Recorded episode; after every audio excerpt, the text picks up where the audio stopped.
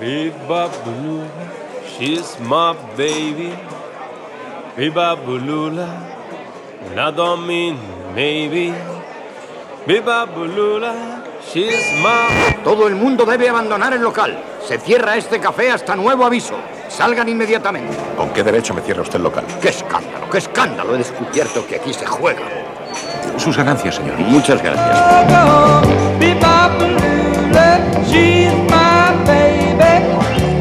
Des de Casablanca, el podcast, no la pel·lícula, comencem la tertúlia del bar d'Enric.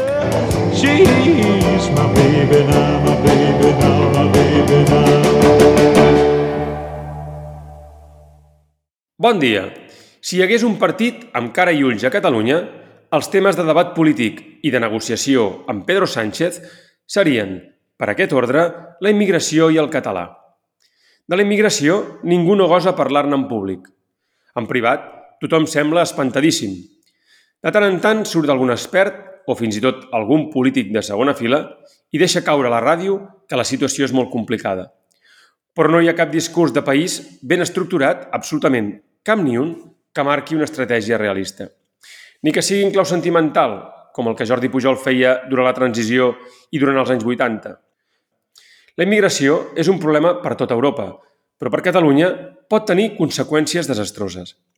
Les nacions que tenen darrere un estat es poden permetre situacions de risc, perquè finalment tenen el recurs de la coerció i de la violència. Davant les onades migratòries que afecten el conjunt d'Europa, Catalunya està més desarmada que davant de l'espoli fiscal i la força demogràfica del castellà. Quan es parla de la immigració, encara es fa en clau identitària, com si Franco s'acabés de morir ahir mateix i com si la globalització no hagués canviat les dinàmiques internes dels països i de les relacions internacionals. De la immigració se n'hauria de parlar amb el govern d'Espanya en termes de recursos i d'ordre públic. Els partits del procés i els seus satèl·lits d'irredems han deixat que el problema s'anés fent gros sense cap escrúpol, mentre feien demagògia amb la independència. La rendició d'Esquerra després de l'1 d'octubre tenia una base molt mesquina, però també tenia una base realista, amb la qual es podia fer alguna política.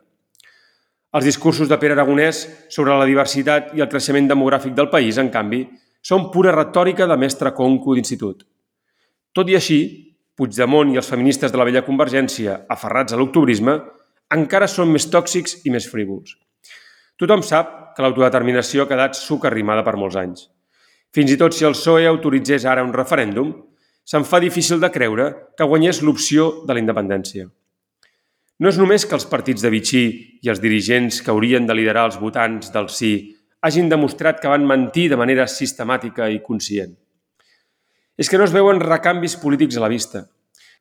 L'ANC està liderada per una convergent dels governs d'Artur Mas. Silvio Riols s'ha vingut a fer la caricatura xovinista dels independentistes de primera hora que pateixen pel país. I Jordi Graupera s'ha deixat portar pel clima ben pensant de cada moment i per l'oportunisme victimista de Clara Ponsatí.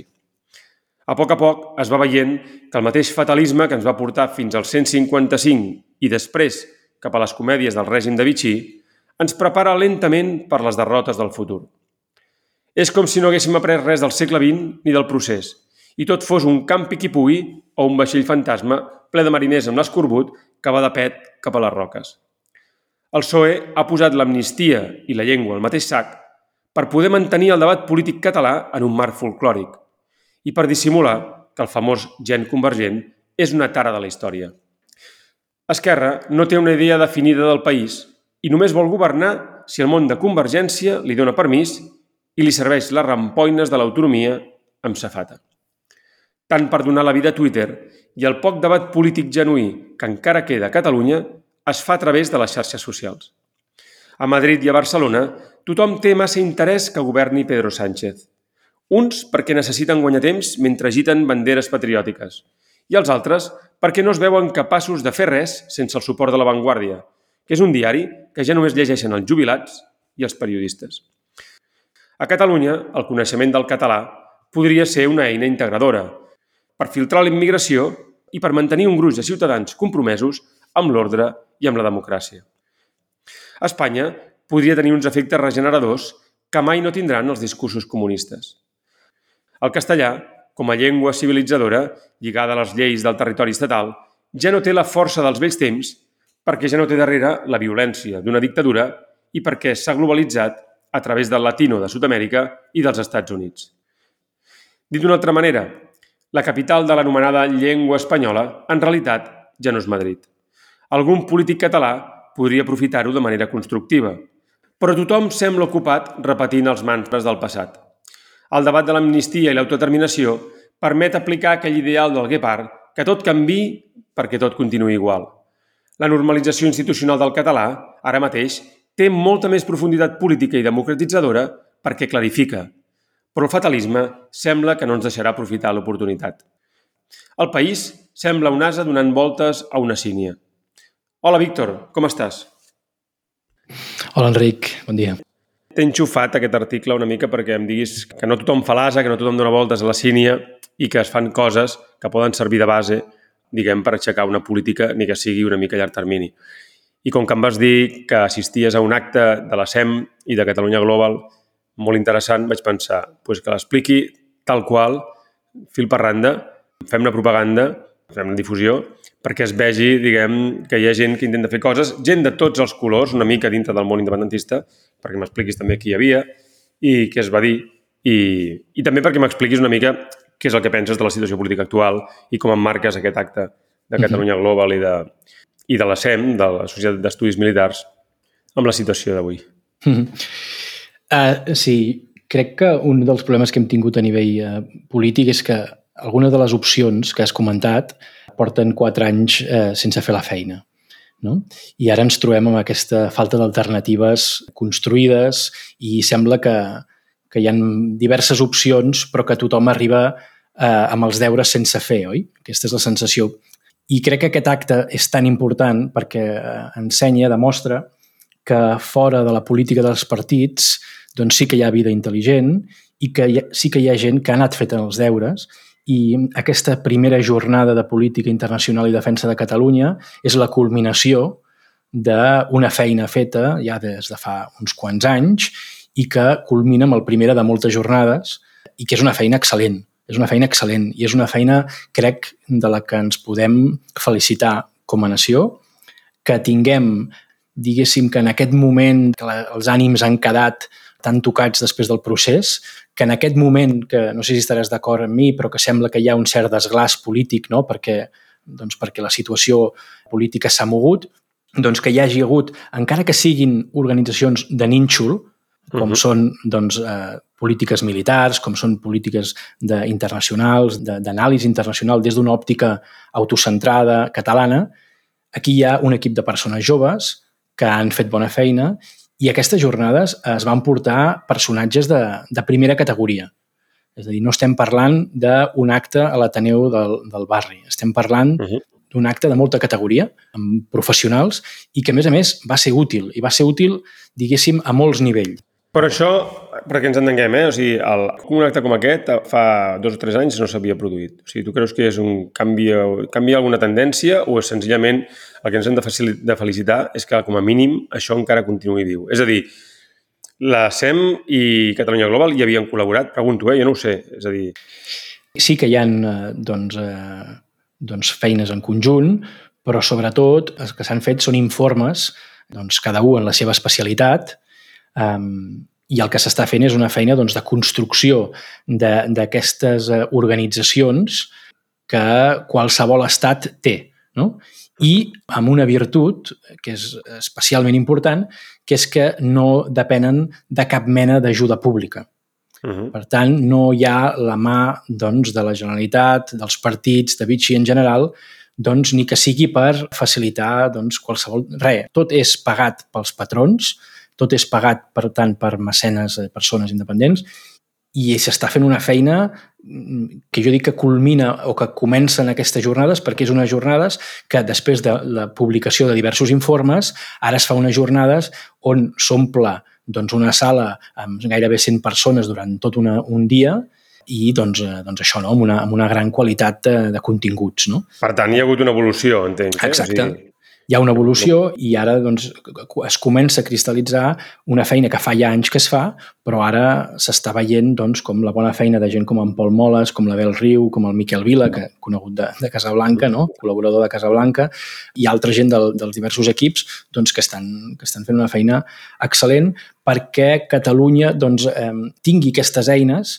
per poder dotar-se de coneixement en aquests àmbits que són els grans àmbits que dominen els estats el que passa fa una mica de gràcia que el més interessant políticament que ha passat a... O sigui, que, el, que allò que crida més a teva atenció com a polític eh, vocacional i professional el dia que puguis sigui una, unes jornades de política de defensa i de política internacional quan no tenim un estat i quan vol dir que la política de partits està eh, més que morta enterrada. Vull dir que... Perquè veig que això és el que s'hagués hagut de fer fa 10, 10 o 15 anys, perquè aleshores haguéssim arribat al 2017 molt més preparats, amb molt més gruix i amb un projecte molt més pensat i potser, potser no hagués canviat res, perquè mentre tinguéssim Romeves i companyies al capdavant de les conselleries, diguéssim, a nivell internacional no haguéssim pintat res en cap dels casos, no? Però potser, si hi hagués hagut aquesta cultura, si hi hagués aquest, aquest lobby que entén les relacions internacionals des d'una òptica més realista de què, què cal fer per aconseguir la independència, no per intentar-ho, per aconseguir-la, segurament haguéssim anat millor. Per tant, potser és una cosa que arriba tard, però que arriba i que, i per tant, és molt important. I que, per tant, esperes que d'aquí en puguin sortir alguna mena d'opció política a llarg termini. Vull dir que tu creus que, que en realitat la política del futur a Catalunya, si és que n'hi ha, sortirà d'aquests cercles que es preocupen de la política internacional i de la política de defensa, més que no pas dels cercles que estan a prop de, no sé, de Junts per Catalunya, del Front Nacional, de, pregunto, eh, d'Esquerra de, Republicana, és a dir, tinc l'impressió que, que confies més que de la gent que està a prop d'aquests sectors, diguem, que, que són especialitats de la política que queden lluny del món administratiu català, perquè no tenim competència sobre això, però que és d'aquest món que n'haurien de sortir alguna mena de pòsit polític que cristal·litzi algun partit una mica més seriós, perquè ens entenguem. Sí, jo crec que, tot i que siguin eh, organitzacions de nínxol, crec que hi ha unes ganes de militància, és a dir, tor torna a haver-hi unes ganes de militància al país i Clar. crec que, que la meva generació, que és la, la generació, diguéssim, que, no, de, de, dels 30, dels 20 llargs, 30 pocs, uh -huh. um, són una generació doncs, educada eh, doncs, amb TV3 en, no, en català, vull dir que, que en aquest sentit... Eh... Sou la generació, de fet, l'altre dia ho parlava amb uns, que, amb uns nois que van venir a veure'm aquí a Masnou, en bicicleta, en bicicleta van venir, salutacions, i clar, sou la generació, de fet, que va viure el moment dolç de la catalanització del país, perquè era quan TV3 tenia tota la seva potència, quan la immigració espanyola estava, havia arribat al seu nivell de màxima, segurament, integració, i quan semblava, com em deien ells, doncs això, que els, bueno, que els espanyols parlaven català a l'escola i que tot allò aniria doncs, així, mm -hmm. no? Sí. que quan mireu enrere, clar, jo entenc que el, el vostre llistó està molt alt i quan veieu el que passa ara, mm. diguem, esteu molt més preocupats que jo, que vinc d'un món una mica més, més hostil. Sí, és que podria fer el símil del Barça, no? Som els que ens vam acostumar que guanyéssim Champions i no la generació que, que si es guanya la Lliga ja s'està content, no? Perquè... Exacte. La Recopa, jo sóc de la generació que si es guanya la, Recopa ja s'està content. No la Lliga, no, la Recopa.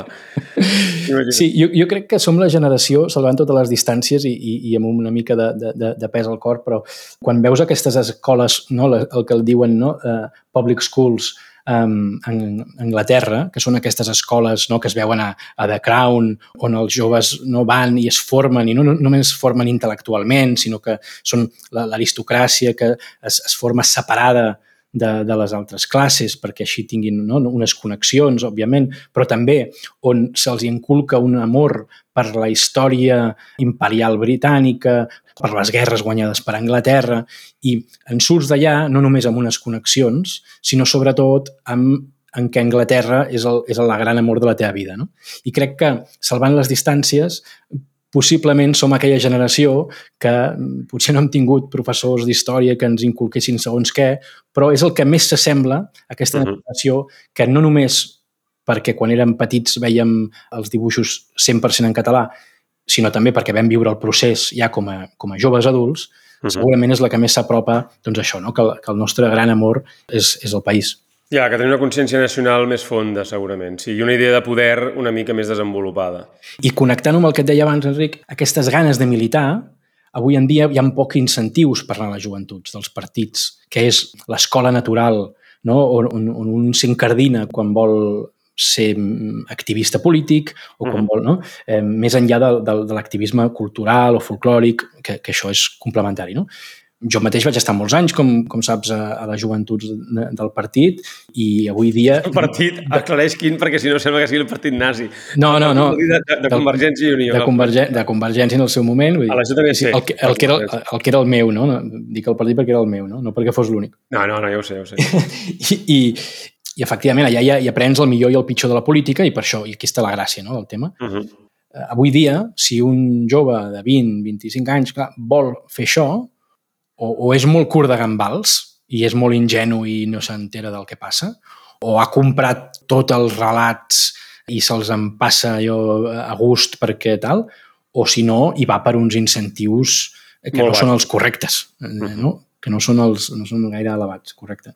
Uh, per tant, hi ha, hi ha aquesta necessitat de militància i comença a sortir aquestes organitzacions que poden donar sortida a aquesta, aquesta Sí, i que jo més que crec que són una mica pels temes que toquen, i això insisteixo en aquesta idea de que, el, de que un dels actes polítics més importants dels últims mesos o que han cridat l'atenció al Víctor, vull dir, estan organitzats per dos organitzacions nínxol que parlen de, de, de l'exèrcit i de les relacions internacionals, facilita també facilita, eh, facilita una cultura que a la llarga permeti parlar doncs, d'això que deien aquí a la- a l'editorial, no? de, de, de la immigració amb uns termes una mica més seriosos i no tant de, de, tieta, de tieta. No sé si ja estaràs d'acord, però jo vull llegir l'article del, del Bernat de Déu, que no sé si ens escoltarà, i realment m'ha caigut l'ànima als peus. És a dir, perquè m'ha semblat que estàvem als anys 90 una altra vegada. Vull dir que trobo a faltar realment, i ho dic perquè m'agafava el meu article i em citava, eh? vull dir que és una cosa que realment em sorprèn, que no hi ha, no hi ha ni l'estómac ni les capacitats intel·lectuals per parlar en termes una mica seriosos de temes que a més estan incardinats, perquè la geopolítica i la immigració estan incardinats i el tema del català i la geopolítica també estan incardinats, perquè, evidentment, les llengües són eines geopolítiques, no? I que, per tant, pensar les coses aquestes en termes de poder dur segurament també és una cosa que necessitem una generació educada d'una altra manera perquè de manera natural puguin parlar-ne eh, d'una manera més directa, més neta, més clara, sense sentir-se culpables, sense fer giragonses. No sé, dic jo, Sí. eh? em fa l'efecte que segurament és natural que, en, en certa manera, les noves, eh, els nous quadros polítics del país surtin d'aquesta mena d'organitzacions nínxols que dius tu, que Mm. s'encarreguen de coses que no existeixen dintre del món autonòmic.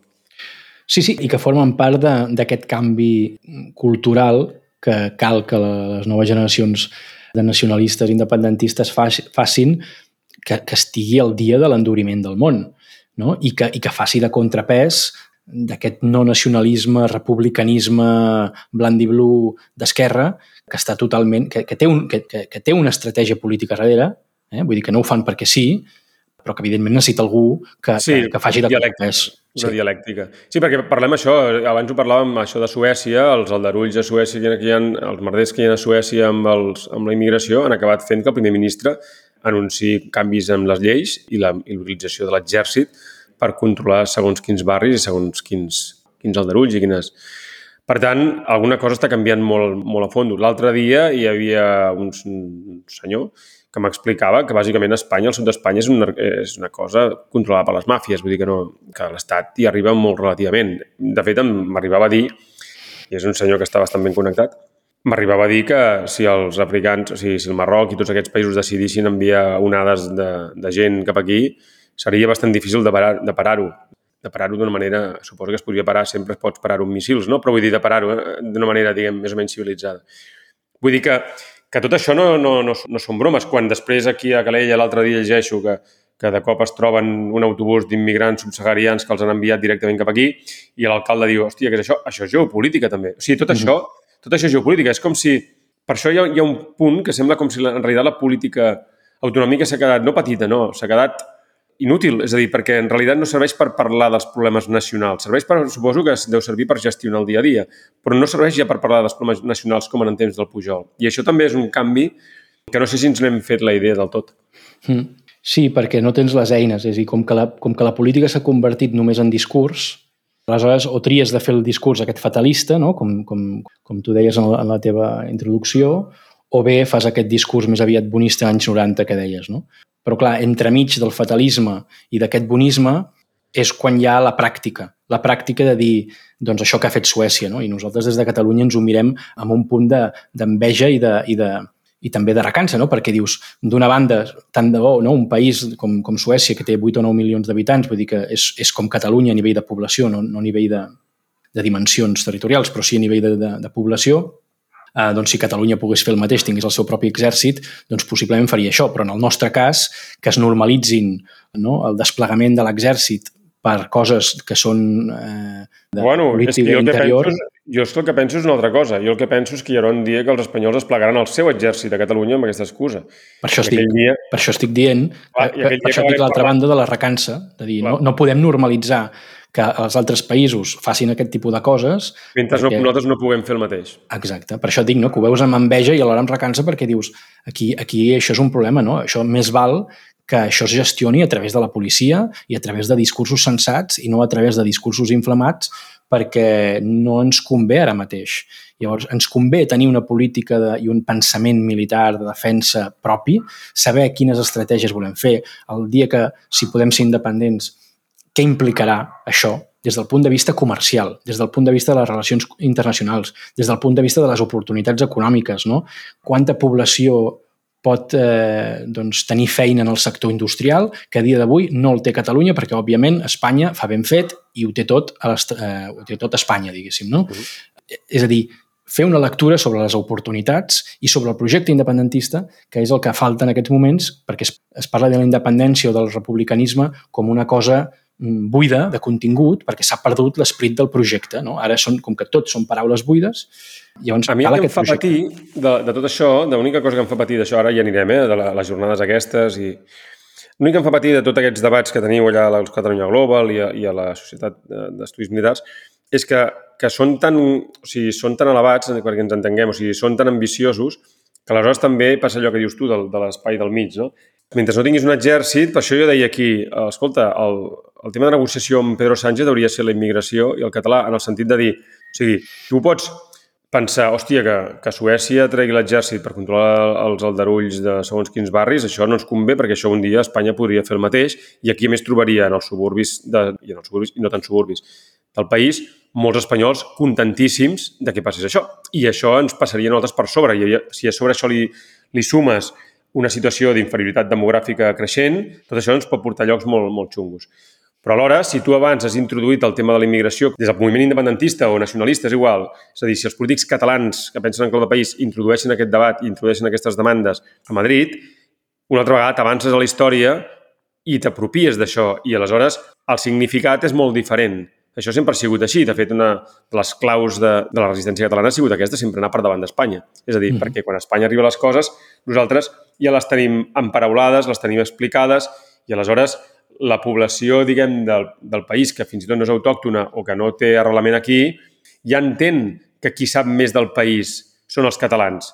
O sigui, en el moment en què, per dir-ho així, els fills dels immigrants o els nets dels immigrants espanyols deixin de percebre que els que més saben sobre el país i sobre el que convé en el país són els catalans ètnics, aquest dia s'ha acabat el bròquil. Aquell dia ens passaran per sobre d'una manera salvatge.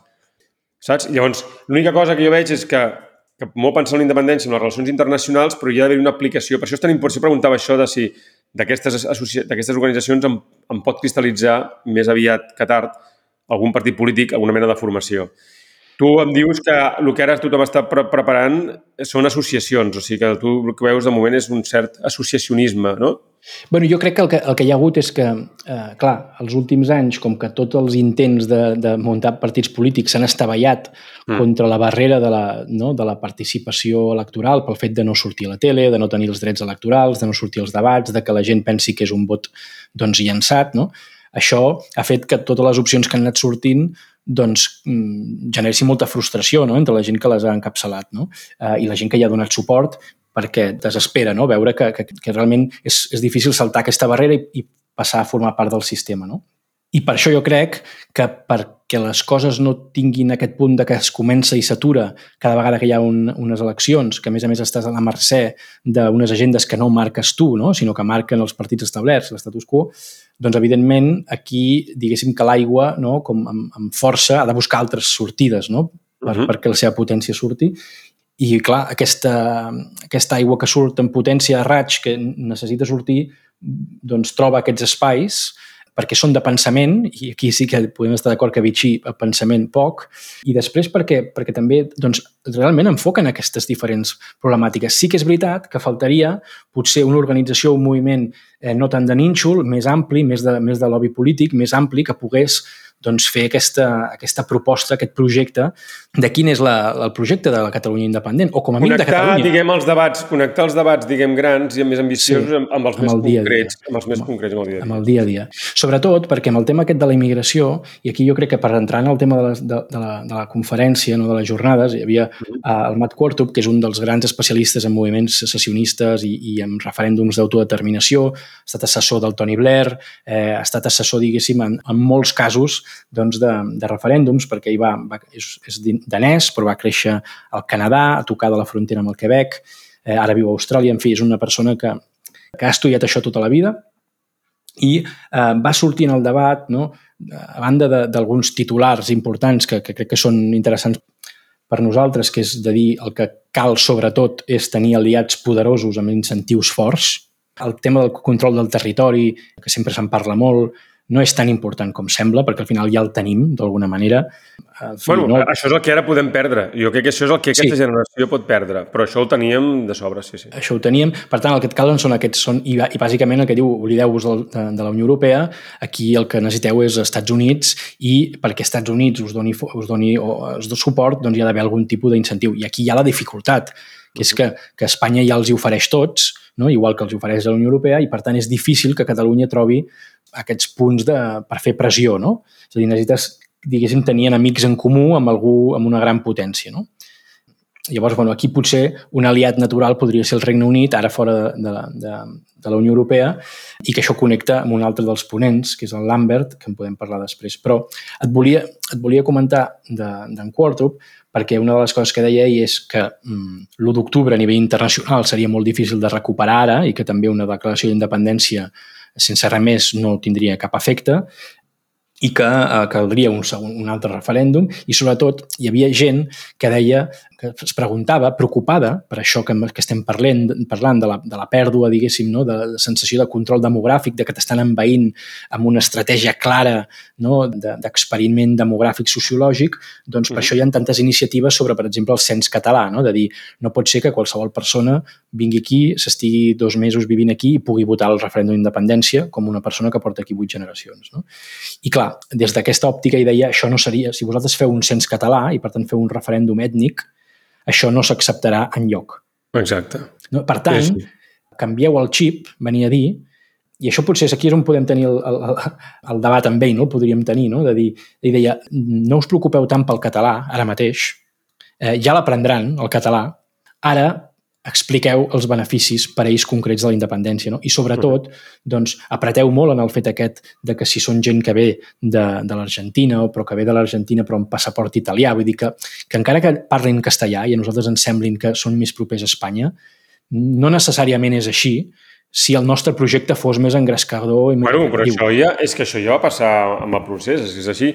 És a dir, és que això, per això et dic abans, et deia abans, el tema és si tu lideres o no lideres la discussió i el debat polític a Catalunya. Mm. Mentre el lideris tu i es vegi que tu defenses el territori i els interessos del territori. Per això hem anat integrant i sumant tanta gent, vull dir que això mm. no... El problema d'ara que tenim és aquest, que és que la sensació que fan els partits catalans és que no defensen absolutament res i que, per tant, desordre... Per... O sigui, al final acabaran preferint el PSC o qualsevol partit Clar. espanyol perquè, perquè total, tant per tant, no? Però vull dir sí, que sí. perquè vagi malament Rodalies, perquè ens entenem, doncs ja, ja, ja, ja votes un partit espanyol, no? És que... I per això és interessant el que deies de, de, de, de les negociacions, perquè penses, sabent que el referèndum no te'l donaran...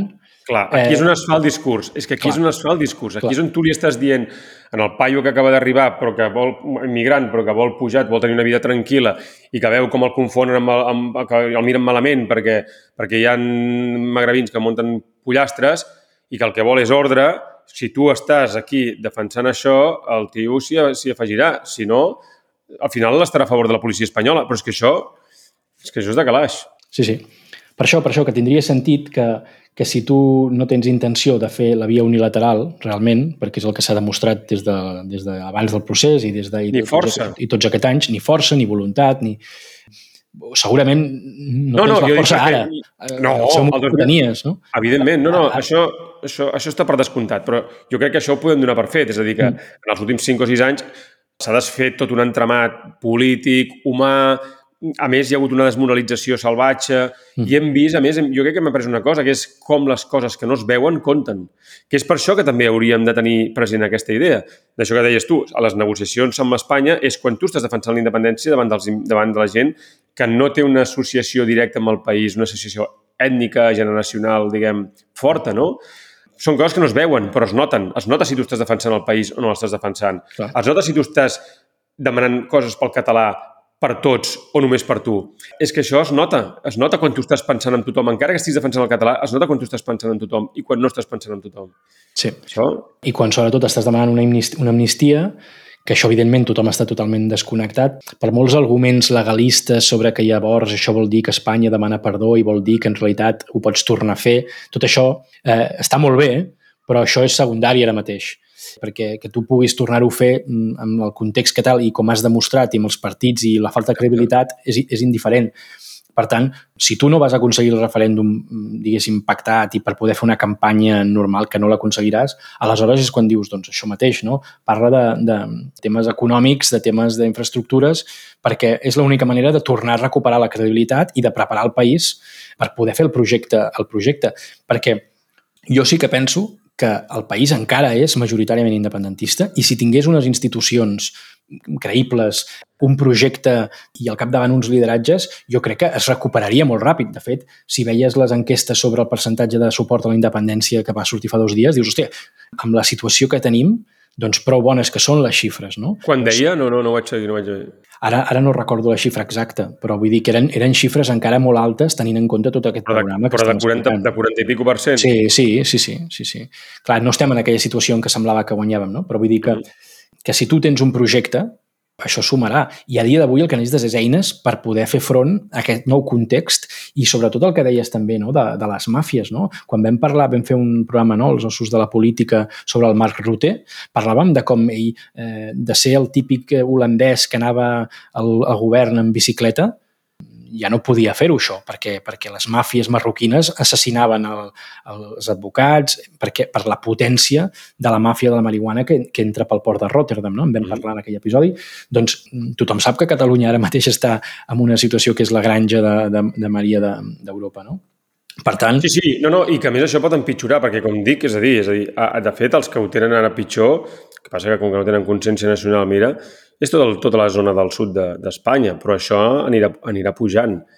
Vull dir que, i a més, una lanxa, vull dir, segons com, vull dir, tu pots desembarcar als Jazires o pots desembarcar a Tarragona. Vull dir que és una qüestió de fer una 4 quilòmetres més. Vull dir que jo crec que encara, de moment, encara estem protegits, però que a la llarga no. De fet, el, el, el senyor aquest em deia això, em deia que que aquí, si, és de, si hi havia un moment de caos, encara estàvem prou protegits comparat amb el que estan allà baix. Mm -hmm. Imagina't. Vull dir que les coses poden empitjorar molt, que és una cosa que jo crec que tampoc no som conscients, i això està passant des de 2018, de fins a quin punt les coses poden anar cada vegada pitjor. Jo crec que la gent ho percep, eh? Jo crec que la gent ho percep i per això hi ha tan, tan mala hòstia a Twitter amb el tema d'aquestes imatges dels immigrants o de les baralles, perquè la gent percep que hi ha, hi ha hagut una transformació en els últims cinc anys en els seus carrers i la gent veu que hi ha menes, eh, que hi ha no, nanos menors no acompanyats que arriben aquí sense les famílies i que, i que els ajuntaments els tenen com poden i, i, no, i, i ningú sap ben bé com s'aguanta, perquè se sap que alguns eh, doncs, formen bandes i es dediquen a robar els turistes al centre de Barcelona, eh, altres es, dediquen, a, a, vendre, a vendre droga, imagino, i d'altres entenc que no, però tampoc no, no els veus anant a treballar perquè acaben uh -huh. d'arribar i perquè són joves i no saps quin, ni, ni si, quina formació tenen i es dediquen a estar pel carrer a moure's amb, amb aquests patinets elèctrics amunt i avall i no acabes de saber què fan, perquè no és com hi ha molts que tenen feina, no? De, que potser van arribar més, més aviat eh, i que es dediquen a fer doncs, la feina que els catalans no volen fer i els espanyols tampoc. Però, però n'hi ha molts que notes que no estan... Que, I això és el que genera aquesta sensació de dir, bueno, de moment no passa res, però clar, quan comença a passar amb aquestes baralles és quan s'engeguen totes les alarmes i llavors és quan encara tindrem més la sensació de, de, de minoria i d'última... Clar, i perquè, no hi ha, i perquè no hi ha partits i polítics que tinguin una credibilitat, i com que, perquè la credibilitat, a més, això també tothom ho percep, no es construeix en dos dies. I, per tant, tu dius, això anirà cada vegada pitjor, i nosaltres no, tenim, no estem preparant res per poder, diguem, canalitzar una resistència a això, o una reacció a això, una resposta o una política. O una actitud, Clar, fins i tot. O una actitud, o una actitud ciutadana, exacte, exacte. I ens entenc que una mica aquestes, aquestes dues associacions, la, la, la Societat d'Estudis Militars i el Catalunya Global, amb aquests actes, diguem, que, que munteu i que suposo que en muntareu més, una mica el que, el que intenteu és atraure una certa, crem, una certa crema catalana, no? una certa crema de joves més o menys formats, amb vocació política i, i amb ideals de país, perquè puguin anar fent xarxa i capilaritat. I a partir d'aquí, per això dic que d'aquí o d'algun altre lloc en surtin, en surtin partits. No sé si vols comentar el tema de la... Ahir llegia el, a la Vila Web que la Clara Ponsatilla parlava també de, de, de, de fer una associació. El Roger Mallola té nova política. bueno, quan dèiem això dels partits i del... No? que tot aquest, hi ha tota una mena de... Sembla que estiguem revivint el franquisme, no? Hi ha com una mena de cosa de la societat civil, una mena de, de xup-xup a la societat civil que encara no ha cristal·litzat que no té cap bandera clara, cap associació, diguem, clarament predominant, ni molt menys. Tots són nínxols, però bueno, alguna cosa s'està movent. És a dir, no tots els ases, no, Catalunya, no tot Catalunya és un asa donant voltes a, una sínia, però bueno, déu nhi eh? No, però sí que és veritat que s'estan movent coses i caldrà, caldrà saber destriar quina és la bona no? I, quina, i quina no és eh, nova però és una continuació de, de coses similars.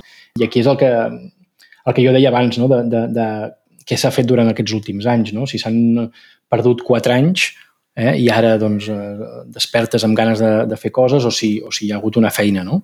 silenciosa i no necessàriament una feina també de eh, política, no? també pot ser una feina més eh, eh, personal d'enfortiment, no? que això també... Doncs, eh, D'enfortiment d'una sèrie de gent que després mm -hmm. també, bueno, després també, fa, també, també, diguem, escampa les seves actituds a la seva, a la seva manera. Estava pensant en la Bel Riu i la, diguem l'enfocament que, dona de, de la, que ha donat de la guerra d'Ucraïna. Mm -hmm. És a dir, suposo que també es tracta de fer una mica quadres que mm -hmm. tinguin veu en, en una posició davant del món que sigui una mica menys autonomista i una mica més, més vertebrada, més amb clau catalana. Què més va passar en aquesta, en, en aquesta primera jornada? També hi havia el, qui va ser el primer ministre d'Exteriors d'Eslovènia, en el moment... El que va fer la independència. El que va fer la independència, un dels que va, va fer la independència. I aquí sí que, bueno, una mica la sensació és de dir, eh, ells ho tenien fàcil, entre cometes, eh? perquè hi havia, era un moment doncs, de desintegració de la Unió Soviètica, perquè els iugoslaus doncs, van cometre un error estratègic de treure l'exèrcit i això va, va fer que tota la comunitat internacional doncs, es girés a favor d'Eslovènia i comencessin a caure reconeixements internacionals. Òbviament, aquesta és una de les lliçons que més fa, mal fa amb el retrovisor posat el 2017. No? És a dir, que l'amenaça la, la, de la violència eh, justament eh, no havia de ser un aturador, sinó que, sinó que havia de ser un, una, una, una tecla que ells, que jugués, que, que jugués i que ells mateixos es cometessin l'error i, i, ho teníem, i, ho teníem, i ho teníem fet. No? També el tema de les amenaces dels reconeixements. No? És també, també hi ha un tema per això que, això que, que Eslovènia va poder resistir. Vull dir que aquí tampoc no teníem uns quadres policials com els d'Eslovènia. O sí, no sé, veu parlar d'això o què? bueno, clar, és que Eslovènia tenien primer, primer un 90% de, no, ètnicament eslovens, no? Eh, i, I tenien, doncs, això, no? la comunitat internacional a favor i després, tot i així, tot està en easy mode, tot i així van comprar armes. Al mercat negre es van preparar per poder resistir i com a mínim, doncs, tot i que van haver-hi no sé si 9, 9 o 10 morts, però per tant no va ser una, una violència allò a gran escala, però com a mínim estaven preparats com a element de dissuasió, no? que aquesta sempre és l'element. Si, tu, si tu sempre fas el discurs de la pau, de la pau, de la pau, òbviament només cal que, que facin bu i, i no? t'intentin fer el susto i ja, ja, ja saben que han guanyat, no? ja t'han pres la mida. Ells van comprar armes, com volem dir, si cal que les fem servir, les farem servir. Vull dir que això, no tot i que estiguessin en un mode fàcil, doncs tot i així es van preparar d'una manera molt més madura eh, i molt més seriosa. No? I després que tot ho feien de manera unilateral no? i que hi havia amenaces contínues per part de la Unió Europea del moment, no, dels països europeus del, del moment, doncs de que no ho reconeixerien internacionalment, crides per poder fer confederacions, ells mateixos estaven oberts a fer-ho, però el propi Milosevic no, era qui no ho volia. No?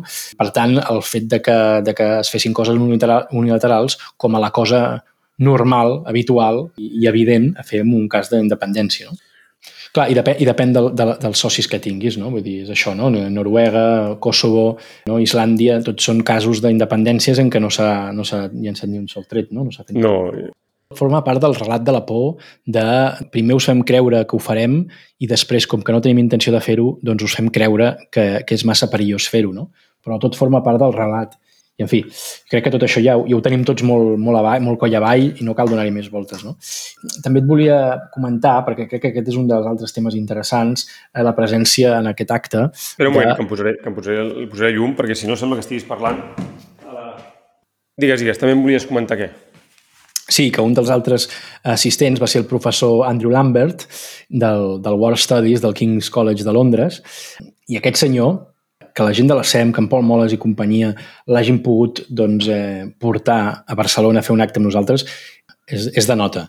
Mm, Heu de pensar que aquest senyor es dedica a fer conferències doncs, a, a generals, admirals eh, de, dels exèrcits de, de Singapur, de, de Dinamarca, d'Holanda. És un gran estratega eh, no, contemporani i és qui està fent l'estratègia eh, militar del Regne Unit post-Brexit, no? amb tot un concepte que és el poder naval. No? És a dir, i, i la ponència va ser molt interessant. Jo recomano a tothom que li interessi mínimament i fins i tot a la gent que no li interessi el tema naval perquè li començarà a interessar a partir d'aquell moment que es miri els vídeos quan, quan les dues entitats doncs, pengin els vídeos a YouTube de les conferències perquè realment va ser una classe magistral d'aquestes que, que fa goig d'escoltar i, i que connecta doncs, les tradicions marítimes i comercials i els imperis des dels grecs eh, doncs, fins als cartaginesos, els anglesos, i com doncs, davant de les potències eh, continentals, no? com els bizantins o els espartans, és a dir, de la força terrestre, com aquestes grans civilitzacions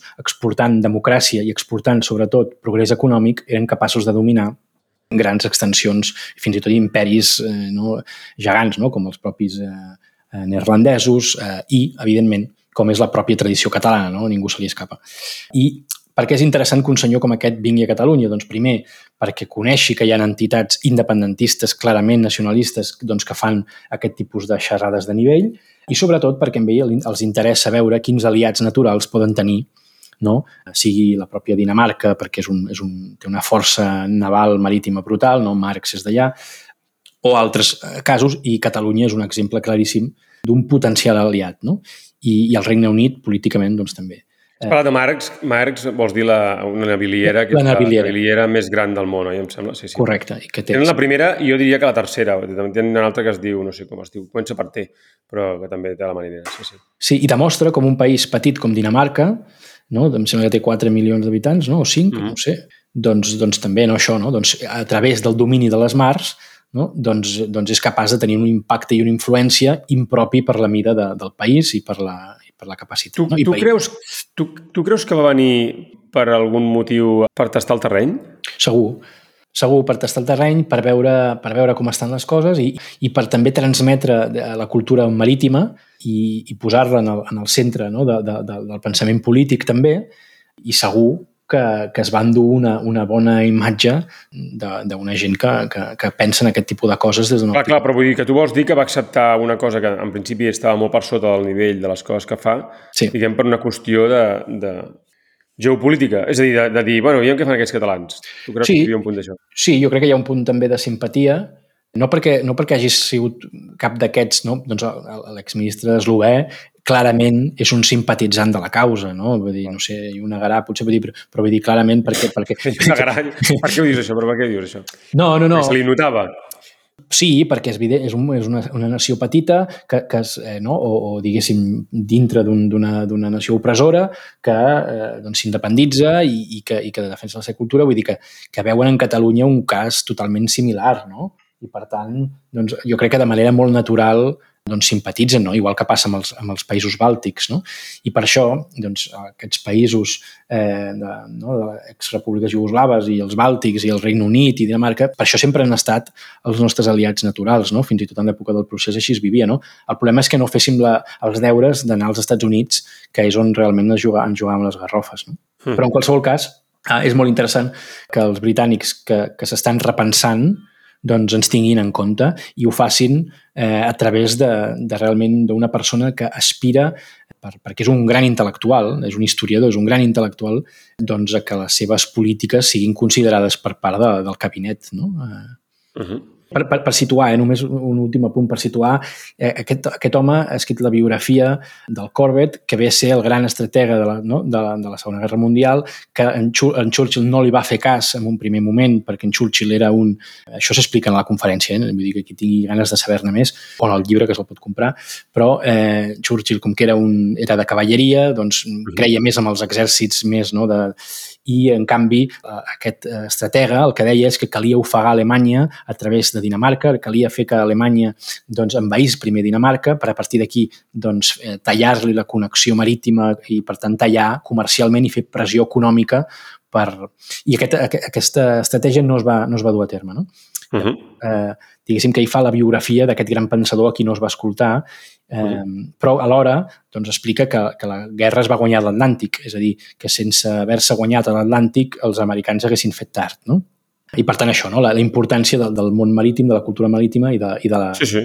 Bueno, tornem amb amb, amb el mateix, és a dir, si això ho incorpores a les negociacions polítiques habituals i si tu, diguem, dius, no, escolti, miri, volem això al port o volem el que sigui, i en comptes de dir que ho vols per raons només, diguem, per raons, eh, que sé, aquestes que fan servir de les infraestructures, no sé què, sinó darrere hi expliques una idea de país no, no, doncs, i una història i muntes un imaginari, doncs això també fa pressió a la seva manera. És a dir, tu fins i tot, sense fer un discurs clarament independentista, pots apel·lar al nacionalisme català i al patriotisme i a, la, i a una idea forta de Catalunya. És a dir, Pujol això no ho feia així en aquell moment perquè la geopolítica, diguem, estava muntada d'una altra manera i, per tant, feia el, el peix al cova seu era d'una altra naturalesa, però si nosaltres hem de fer peix al cova, segurament l'hem de fer més amb aquesta clau.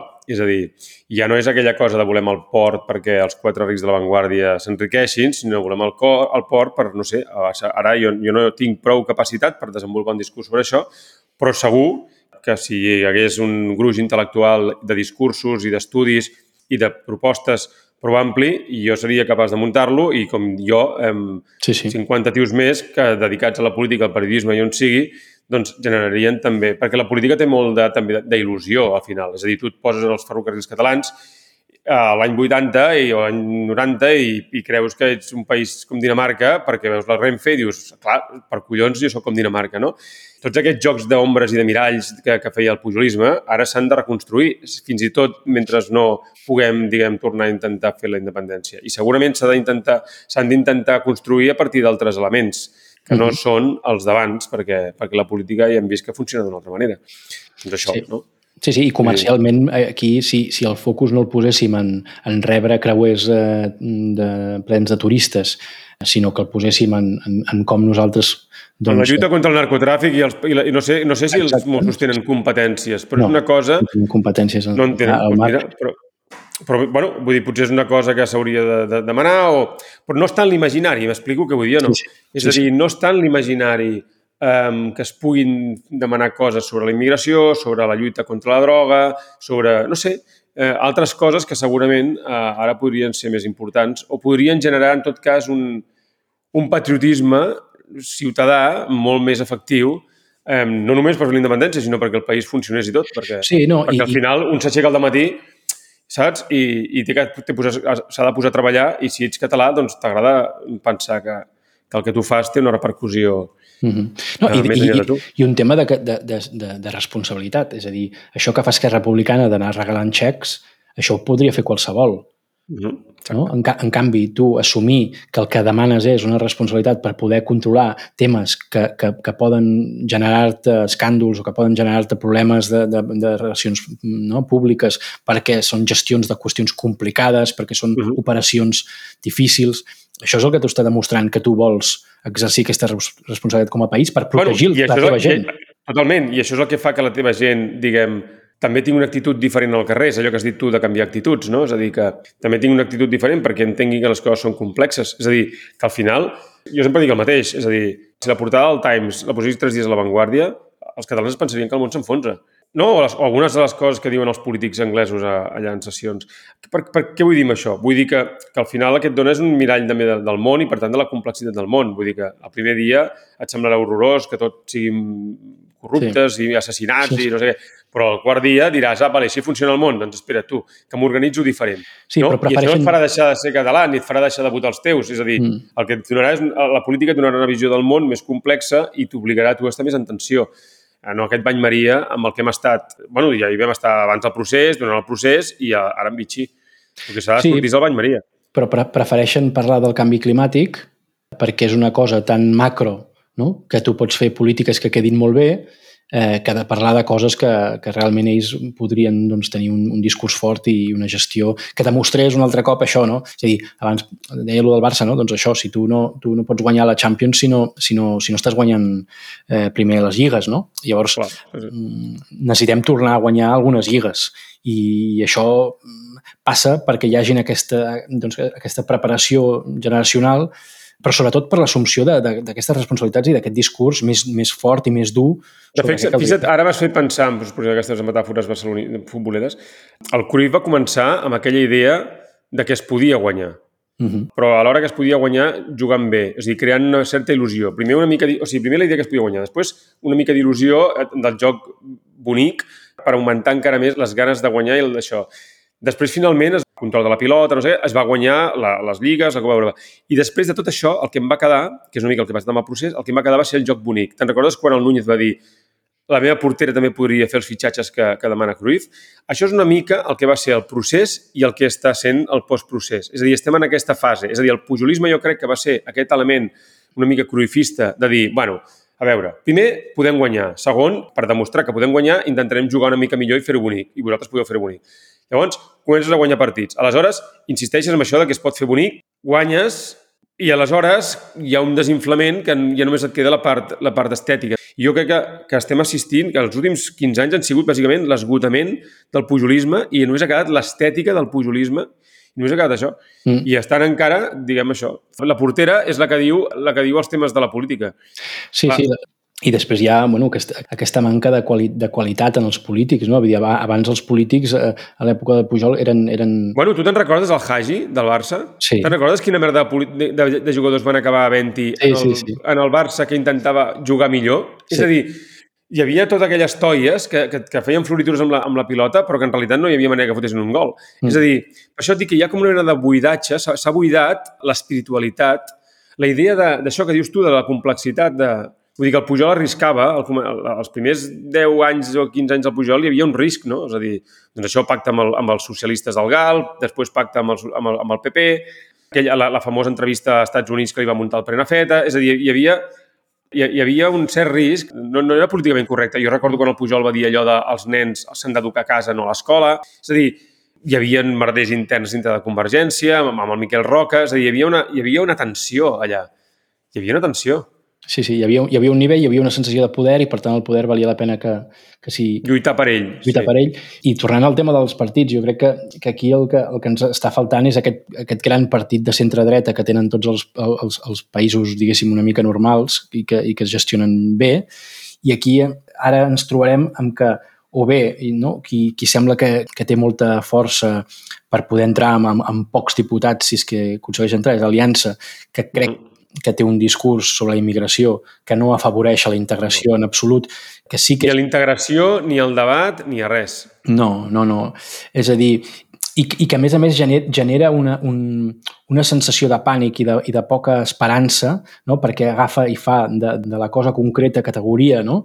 I, i agafes un vídeo de no sé on i això eh, genera un estrès a, a la gent, no? En el dia a dia. Cobra bueno, no, és que més que res, és que sense una resposta política concreta, perquè la pots, tu la pots fer a nivell municipal, però llavors parla de Ripoll i el que estàs fent tu a Ripoll. Sí. Però el tema és el Salvem aquest Catalunya, tota aquesta mena de tremendisme que no, no té cap resposta perquè la Sílvia Oriols ni Aliança Catalana no té cap influència al Parlament i ja no diguem a Madrid. Uh mhm. -huh. Per tant, ja els hi veus aquesta, aquesta intenció de neguitejar el català. I això, això també és molt destructiu, perquè això mm. genera un...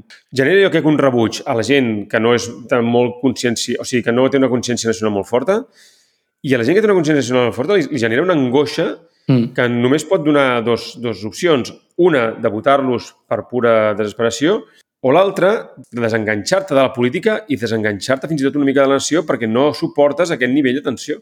Exacte.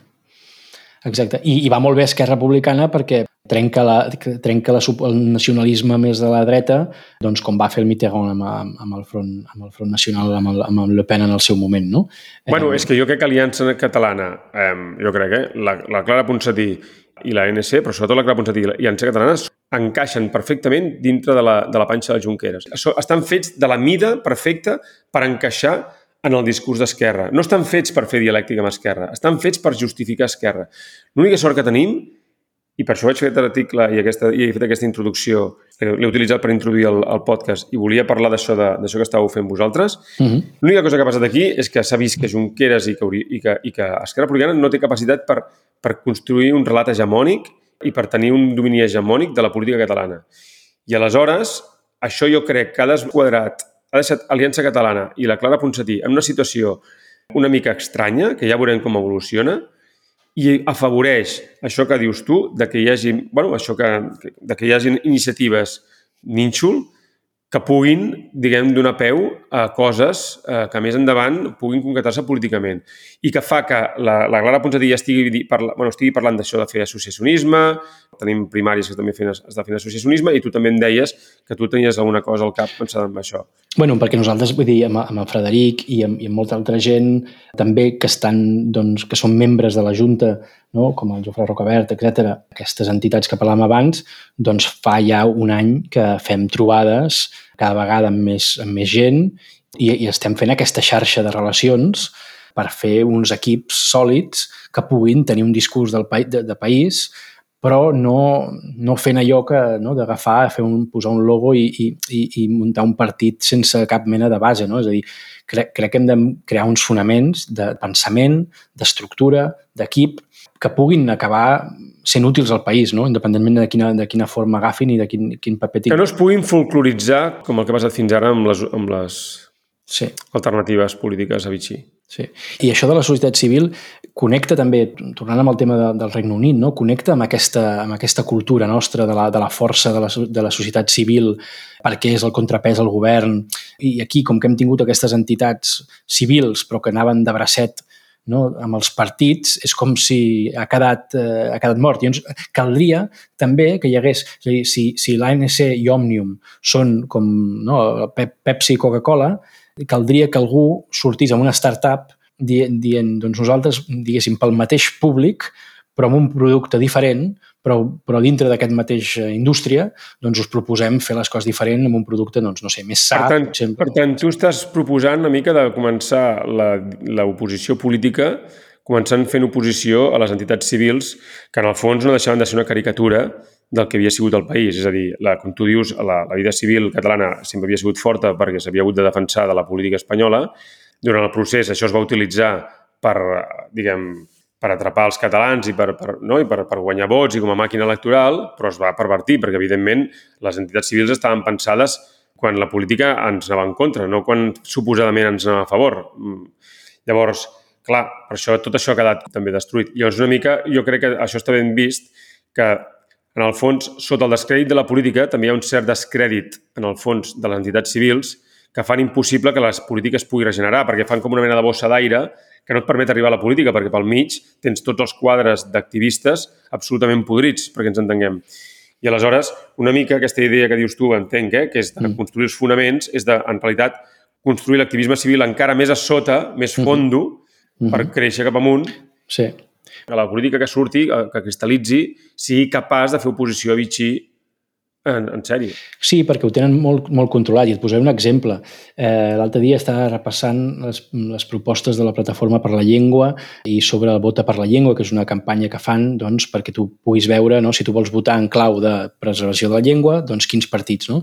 I tenen com, com un, com una taula d'aquestes molt visuals perquè vegis no, qui, quines propostes presenten i el típic, els típics semàfors, per entendre'ns. No? I els partits que analitzaven eren els partits també espanyolistes i tots els partits amb representació al Parlament. Però si tu ets una plataforma per la llengua, per què no poses també sigui el Front Nacional, sigui Aliança, t'agradi més o menys, sigui, primàries, sigui, sigui no sé, per què, per, què, per què jugues en el mateix marc marcal de l'establishment mm -hmm. que tu mateix dius combatre? Potser perquè no el combats tant. Exactament. Oi? I sobretot a nivell de discurs.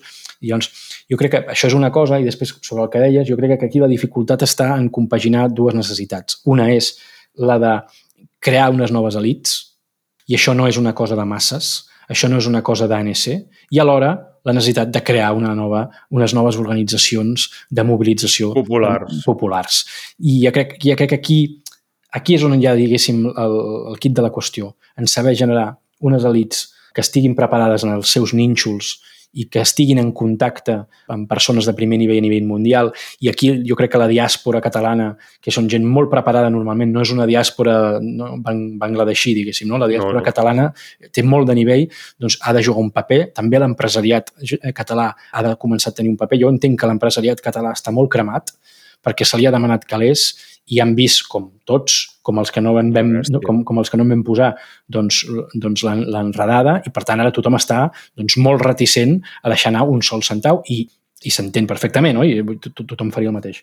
Però cal, per tant, que, que tornin a poder veure que hi ha algú, no que els ofereix una, una, un partit nou perquè nosaltres sí que sí, sinó no, és que mireu quin tipus de gent hi ha, quin tipus de discurs es fa i quin tipus de projectes, no? Sí, també jo crec que a més s'ha de trobar la manera de que aquests, de posar diners sigui rentable, és allò que diem. Exacte. Sí, s'ha de tornar a crear aquesta mena de cercle màgic en què, les, en què a l'empresari li interessa que tu te n'en surtis perquè pressionis a la política i la política faci coses que el beneficin a ell. Que jo crec que és el que s'ha trencat, s'ha trencat aquest cercle màgic perquè l'empresariat va quedar com molt captiu en el fons, els presos polítics, perquè ens entenguem. És a dir, dels quatre privilegis, diguem, que venien de la Generalitat, hi va quedar estrelles. Com que no hi ha un discurs de país, com que no hi ha una, com que no hi ha una política de país, en realitat tampoc saps ben bé què és el que, el que et beneficia o no. Senzillament, al final, t'acabes conformant en que, jo què sé, et donin aquella subvenció o et donin aquell, jo què sé, aquella cosa que busques, no? Sí, sí. Però molt a la política institucional, no hi ha un pensament a llarg termini. Mm. I es necessita, i, es, i, i aquí és on hi ha aquesta idea de, de, de crear l'estat paral·lel, no? De, de no comptar només amb les institucions autonòmiques, que si pots tenir un peu a dintre i pots eh, demostrar que gestiones millor o pots eh, decidir que tu sí que tens un equip i un projecte per fer efectiva la independència, doncs perfecte, però mentrestant també doncs, anar creant aquesta societat paral·lela i amb aquest tema dels, dels calés doncs jo crec que s'han de, poder, de poder fer coses, no? igual que la Fundació de la Caixa, tant per cent va doncs, no, dels beneficis de la Caixa van a programes socials no? I, i aquests programes socials es, define, es, es defineixen en base a un, a un seguit de... Per continuar la tradició de, de Movistar, allò que diem, els motius per fer la independència, la merda de Movistar, s'ha tallat. El Víctor estava explicant una mica quin era el plat. No, deia, deia que per, això, per aquesta cosa de, de, de fer rentable l'activisme no? per part dels empresaris i tal, doncs que, que igual que la fundació de la Caixa, doncs una, part, una part dels beneficis de la Caixa van a la fundació, que després fa un seguit de programes socials i que estan pensats doncs, amb una òptica política determinada, doncs també podrien haver-hi doncs això, no? activitats que fossin rendables econòmicament, que tinguessin un impacte social en el país i que també doncs, aquests, una part dels percentatges anessin a fer política de nacionalització, que és el que, el que a dia d'avui el, el govern no fa amb prou intensitat jo crec que el que s'ha d'aconseguir és una situació com la del franquisme, en què tu tenies les institucions, les institucions franquistes i després tenies el, el món eh, a part. Eh, I llavors hi havia una certa porositat i la gent entrava i sortia, però evidentment el país no avançava des de les institucions, sinó des de fora de les institucions. Aleshores, amb l'avantatge que ara tenim és que, de moment, les institucions les, les controlen catalans. Aquesta és la part que és més difícil, perquè en el fons ens hem de dividir. Té un punt de perill que les institucions acabin quedant en mans dels partits espanyols. Té un punt de perill, tampoc no crec que s'hagi de sacrificar res per evitar-ho, té un punt de perill perquè l'ideal seria que hi hagués aquesta dualitat, no? és a dir, que d'una banda tinguessis gent catalana a les, a les institucions i de l'altra que l'oposició també fos catalana. Justament també per treure el, el relat, o sigui, per treure la iniciativa en els espanyols, qualsevol possibilitat d'iniciativa sobre el país en els espanyols, no? És a dir, perquè així tens ocupades els dos espais. Jo crec que hi ha prou gent com per fer-ho, perquè tens una, una, una abstenció de 800.000 votants, no és, no és menor, um, i s'ha d'aconseguir que els espanyols votin Esquerra i bueno, coses d'aquestes, bueno, i que els socialistes, per això també és important que els socialistes, diguem, defensin el català, perquè en el fons també els empenys cap a una certa defensa del país, i anar establint aquesta, aquest, aquests dos camins. Sí, sí, és que jo, jo ho veig així. Mm -hmm. Perquè els empresaris al final els hi surti a compte de pagar-te tu per apretar les institucions i alhora doncs, això vagi creant un cercle que algun dia nosaltres puguem arribar a manar i aleshores doncs, eh, canviar una mica el rumb de les coses, perquè si no... Mm -hmm. Sense oblidar que tard o d'hora s'haurà de fer política, no? I que, vull dir que ja es fa política, però vull dir política Per això dic de manar, per sí, això dic, sí, sí. clar, clar, clar, és que és això, és que l'objectiu ha de ser tornar... Jo, a tothom parla de fer la independència, a mi em fa molta gràcia, perquè l'objectiu primer jo crec que hauria de ser aconseguir guanyar unes eleccions o unes quantes a les institucions catalanes i en els ajuntaments catalans i aplicar polítiques independentistes. I amb això no, no vull dir que, de fet, ho corregeixo, nacionalistes. És a dir, perquè la independència, per dir-ho així, es dona per descomptada. És a dir, jo crec que això tothom ho ha d'entendre. Pujol no sé si era independentista o no. El Macià sempre em deia, el Macià Lavedra sempre deia que Pujol era el primer que sortiria amb el trabuc. Uh -huh. Si és veritat o no mentida, no ho sé. El que està clar és que el procés no s'hagués produït sense les seves polítiques i que va ser fruit de les seves polítiques. Per lo bo i per lo dolent. El problema va ser que els defectes del pujolisme al final van tenir més força que les virtuts del pujolisme. Aleshores, El que passa que, Enric, per fer això, crec jo, eh, has, de, has de poder lligar el, el, les polítiques nacionalistes amb el progrés econòmic. I aquí és on lliguem amb, amb Clar. aquesta estratègia naval que parlàvem abans, no? de que tu pots, mm, no, sent menys fort, ser, ser més atractiu, perquè estàs oferint aquesta ideal de, de l'ascensor social de, que, que tots hem, sabem, no? I, I crec que avui a dia mm, aqu- aquesta part, com que només es fa victimisme i només es fa queixa, no n'hi ha prou. No? És a dir, no clar, clar, prou. però el que vull dir que la gran dificultat és lligar la idea de sense social mm -hmm. amb la idea de, de la necessitat de tenir una política marítima. Sí. Perquè no hi ha els elements intel·lectuals avui mateix per construir ni tan sols un discurs simplot sobre això. Mm -hmm. Que jo no dic que no estigui connectat, ni molt menys, no ho estic dient. Només dic que no hi ha la manera de moment de connectar-ho i que tothom parla de la independència i a mi m'agradaria més parlar d'això, d'arribar a les institucions catalanes justament, si pot ser, començant per poder començar a fer discursos d'aquests i començar a lligar una cosa amb l'altra. Jo recordo primàries que el, el Jordi va anar a fer una visita al port, va quedar um, absolutament enlluernat. Clar, en va fer una. Si hagués guanyat les eleccions o si haguéssim entrat i haguéssim tingut una certa capacitat per fer coses, doncs, evidentment, les idees del Jordi sobre el port de Barcelona serien més sofisticades avui, avui dia, les seves, les meves, les teves i les de molta gent, no? Per això dic que, que tothom està molt preocupat per la independència i, i al final el que s'ha d'aconseguir és que hi hagi això, aquesta renovació intel·lectual, moral, d'actituds de, de generacional i, i que això arribi a la política. Amb aquesta gent formada ja amb una mentalitat geopolítica diferent, no de l'època de la Guerra Freda ni de l'època de la globalització del flower power, sinó de, de la globalització aquesta dura mm d'aquesta hard globalization que tenim ara. Sí, sí, sí, ja, sí, sí, aprofitant cada sí. racó, cada escletxa, tant privada, pública, tot, tot escletxa per, per, per enfortir el país a tots nivells, sobretot econòmic, i per esperar un context que, que canvi i, i intentar provocar aquest context. No, no, i aprofitar aquella idea que han posat els WOC de que tot és política. És a dir, que era una cosa que, que Pujol tenia difícil, perquè a l'època de Pujol tothom justament li criticava això i sempre hi havia aquella de, de no barregem la política i això és ficar-se en política i no sé què. Ara que ja hem deixat ben clar que tot és política, potser estaria bé que hi hagués algun partit nacionalista que ho apliqués de, de veritat. És a dir, en comptes de parlar tant de la independència, doncs que fes política a tot arreu i que mentalitzés els catalans per fer política a tot arreu i que creés un exèrcit de catalans, de ciutadans catalans, que fessin política a tot arreu. Una mica el mateix que va fer el Pujol, però en aquest sentit jo crec que tindríem una mica més fàcil perquè tothom entén això. I jo crec que els espanyols a Catalunya no tenen aquesta voluntat, ni els espanyols ni els, ni els immigrants de noves generacions, no tenen aquest uh -huh. esperit, per dir-ho així, a ells no, no tenen aquest, aquests incentius per activisme ni per convertir-ho tot en política. Sí, hem de convertir... És a dir, si tu vas a qualsevol poble, no, el que està viu en el, en el poble no? són, són les entitats catalanes. No? Les sardanes, són els geganters, són els castellers, són els trabucaires... Són, és la gent que... I és lògic, sí, eh? és lògic, I és perquè és, lògic. és la gent del país. No? És el país, país. Sí, sí, clar. Però aquest mateix activisme cultural del folklore no? s'ha de poder traslladar doncs, a altres esferes a través d'això, no? i que no necessàriament ho vegin com soc militant de tal partit, que, que, que, que això és el que ja no s'atreu. Clar, no, no, com un benefici propi. Uh -huh. és, I a més és una cosa que el Pujol no va poder fer. És a dir, quan el Pujol parlava de hem de tenir fills, fem famílies, no sé què, hem de allò, defensar el català al carrer, tot això, es feia des d'un punt de vista molt sentimental. Uh -huh. Jo crec que això ara s'ha de canviar i s'ha de, i de, diguem, s'ha d'explicar i s'ha d'articular a través d'una idea més aviat això d'empoderament personal perquè per protegir justament la democràcia, per protegir l'ordre i per protegir els interessos personals. És a dir, que si tu tens una actitud eh, més integrada respecte al que és el poder i la gestió del poder, podràs justament dominar una mica millor un territori que, com tots els territoris segurament de la Unió Europea i d'Occident avui, eh, és un territori una mica caòtic a causa de la globalització. Vull dir que, a més, té tot el sentit del món. Mm -hmm. Té tot el sentit del món. L'única cosa que, clar, has de tenir polítics intel·lectuals i artistes que una mica mm, t'ajudin, ajudin a la gent, perquè la gent, al final, la persona, si tens una família de tres fills i treballes vuit hores, tampoc pots estar pensant uh -huh. en la importància del Port de Barcelona. Vull dir que no, no, és tota la lògica. Totalment. I hem de fer que, que, que, aquest, nacion... que aquest patriotisme no només trobi sortida, per exemple, en canviar-te de gas natural a no sé què o de telefònica a parlem. Perquè, si no, estem aprofitant el sentimentalisme. Per...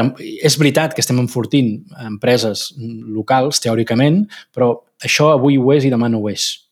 Perquè demà et, demà et compren, demà et fan una pressió i et canvien això, et fan un nou hostil. Vull dir que això al final serveix per enriquir uns quants durant un temps concret, amb molt bones intencions segur, i, i millor això que, que l'altre, però no pot ser que, la, que ens quedem tranquils amb no, tipus, perquè tipus més, de coses. a més, no? fas, a més és que el que aconsegueixes llavors és aquella cosa que va passar amb el tema de la, del món editorial català, que la gent venia, comprava enciclopèdies i van haver-hi molta, van haver-hi uns quants espavilats que van viure molts anys, mm -hmm. diguem, de l'activisme de la gent que comprava enciclopèdies.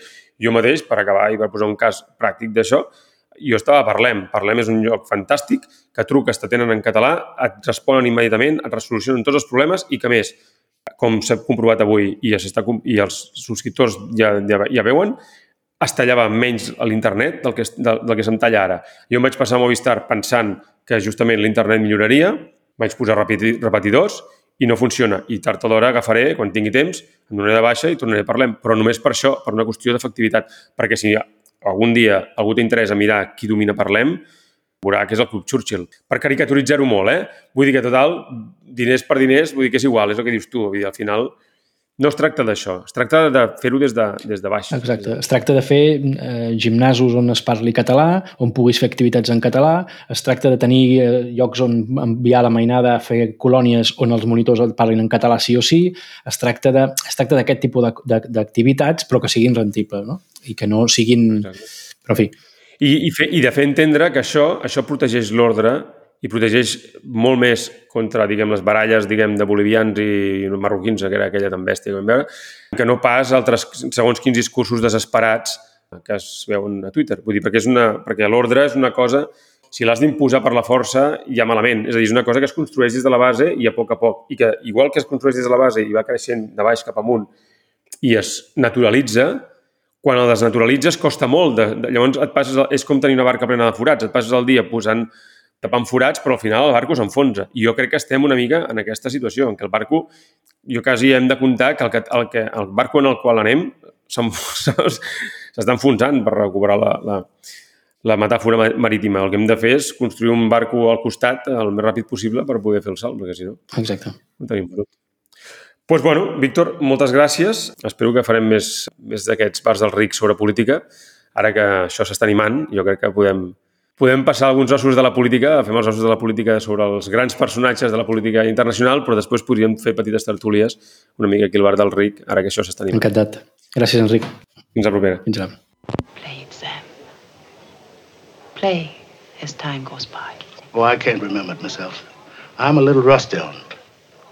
I'll hum it for you. Da-da-da-da-da-da. Da-da-da-da-da-da. Sing it, Sam. You must remember this. A kiss is just a kiss. A sigh is just a sigh. The fundamental things apply as time goes by. And when two lovers woo, they still say, I love you. On that you can rely. No matter what the future brings, as